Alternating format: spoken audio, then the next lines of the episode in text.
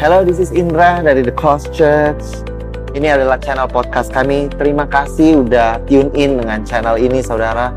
Kami berharap bahwa setiap message kami dapat membukakan lebih siapa Tuhan, saudara, dan Injil kasih karunia dan apa yang Yesus sudah lakukan di kayu salib kiranya membebaskan kehidupan saudara.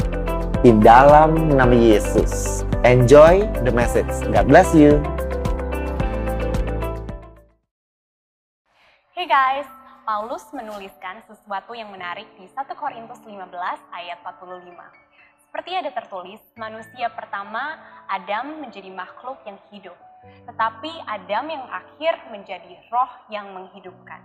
Di sini saudara bisa melihat bahwa ada Adam pertama yang menggambarkan Adam dan ada Adam yang terakhir yang menggambarkan Yesus.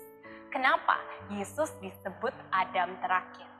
Sangat menarik karena Alkitab tidak pernah menyebutkan Adam-Adam yang lain kecuali Adam yang terakhir yang melambangkan Yesus. Keduanya dinamai sebagai manusia yang sempurna. Adam adalah manusia sempurna pertama dan Yesus atau Adam terakhir adalah manusia sempurna terakhir. Bukan hanya secara fisik tapi ada roh Allah. Yang pertama dihembuskan, yang kedua dibuahi oleh Roh Kudus.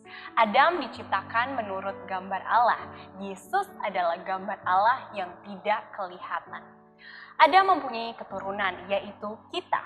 Tapi sejak itu keturunannya bukan diciptakan dari gambaran Tuhan, namun dari gambaran Adam. Sama seperti itu keturunan Yesus pun atau Adam yang terakhir diciptakan dari gambaran Kristus. Di sini kita bisa memilih untuk berada di jalur yang mana.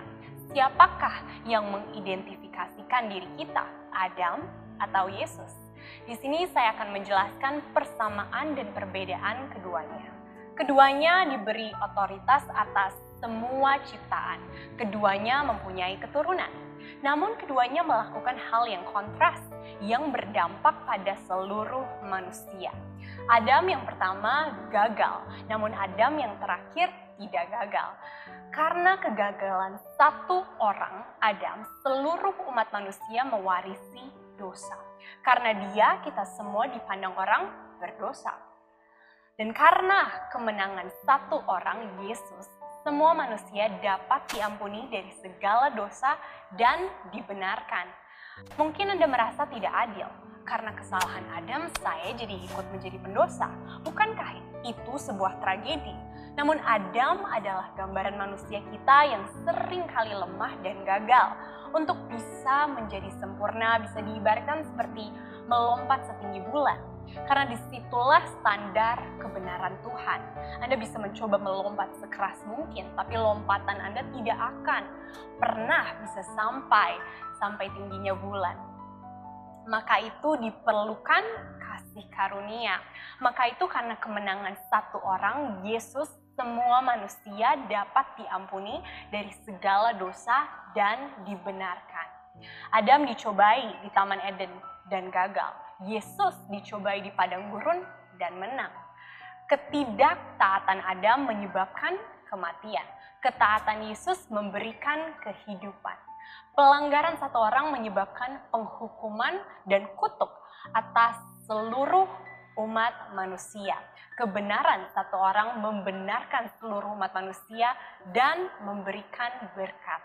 Karena Adam, dosa berlimpah. Karena Yesus kasih karunia berlimpah. Karena Adam, dosa memerintah dalam kematian. Karena Yesus kasih karunia memerintah dalam hidup yang kekal. Adam yang pertama diberikan hukum dan pekerjaan. Adam terakhir memenuhi hukum dan pekerjaan. Mungkin saudara bertanya, mengapa saya membandingkan keduanya? Di sini saya akan menjelaskan mengapa kita bisa dibenarkan melalui Yesus dan apakah korelasi Adam pertama dan Adam terakhir. Di mata Tuhan yang bisa menebuskan dosa itu Adam juga. Hanya manusia sempurnalah yang bisa menggantikan. Di Ibrani 10 ayat 4 dikatakan, saudara bisa melihat bahwa lembu jantan tidak cukup untuk menebus dosa manusia. Hanya manusia sempurna lagi yang bisa menggantikan. Maka itu ada firmannya, mata ganti mata, gigi ganti gigi. Maka dari itu manusia pun tidak bisa digantikan dengan lembu.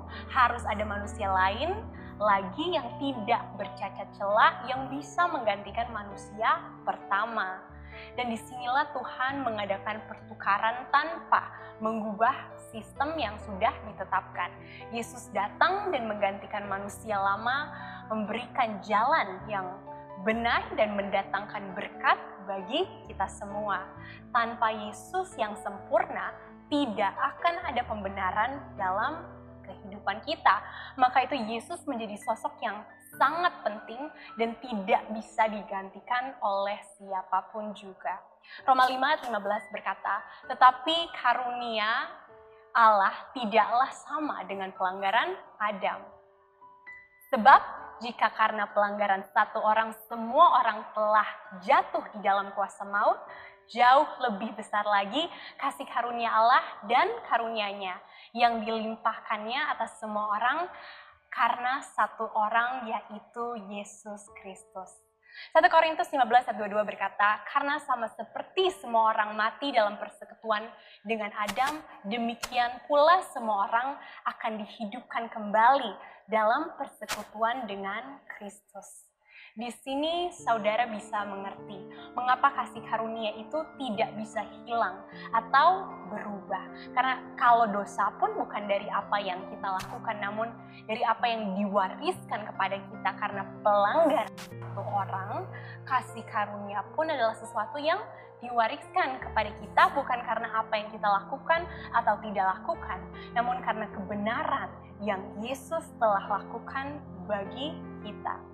Saya berharap hari ini saudara tahu bahwa di dalam Kristus saudara sudah dibenarkan atas dasar kasih karunia dan bukan perbuatan.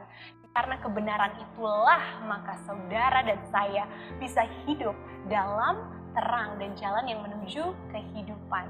Anda bukan membenarkan diri untuk diselamatkan, Anda justru diselamatkan terlebih dahulu agar Anda bisa hidup dalam kebenaran tanpa ketakutan akan ketidaksempurnaan saudara karena Yesus sudah menjadi pengorbanan yang sempurna bagi Anda dan saya.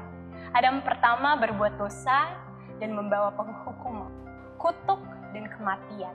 Adam terakhir dicobai dalam segala hal namun tidak bercacat celah. Ia justru memberikan jalan kebenaran dan berkat bagi kita atas dasar kasih karunia. Melihat adanya perbedaan kedua ini, siapakah yang Anda pilih? Saya harap saudara tahu jawabannya sekarang. Hope this message bless you. Thank you for listening. Jika saudara ingin mengirimkan komentar atau pertanyaan, saudara bisa kirim ke email berikut ini. God bless you.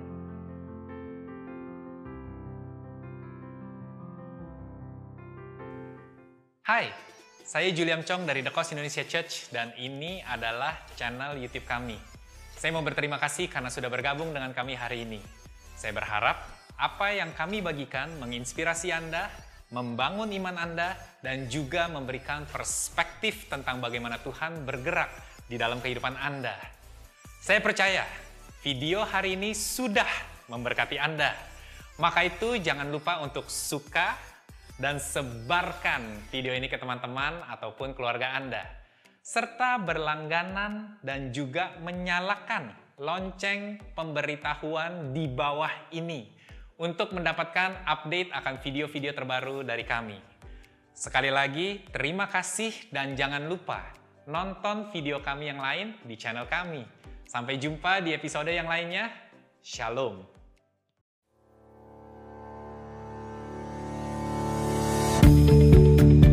Terima kasih lagi sudah mendengarkan episode ini saudara dari podcast ini. Thank you so much saudara.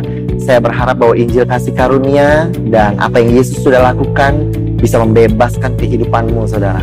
Kalau saudara diberkati, saya mengundang saudara untuk share saudara um, sermon ini baik secara pribadi pada your friends and your family saudara atau you can screenshot dan kau bisa bagikan kepada sosial media saudara dan jadilah terang saudara. I hope um, message ini melalui saudara bisa memberkati lebih banyak orang lagi. Dan kalau saudara diberkati saya mengundang saudara untuk subscribe kepada channel podcast ini.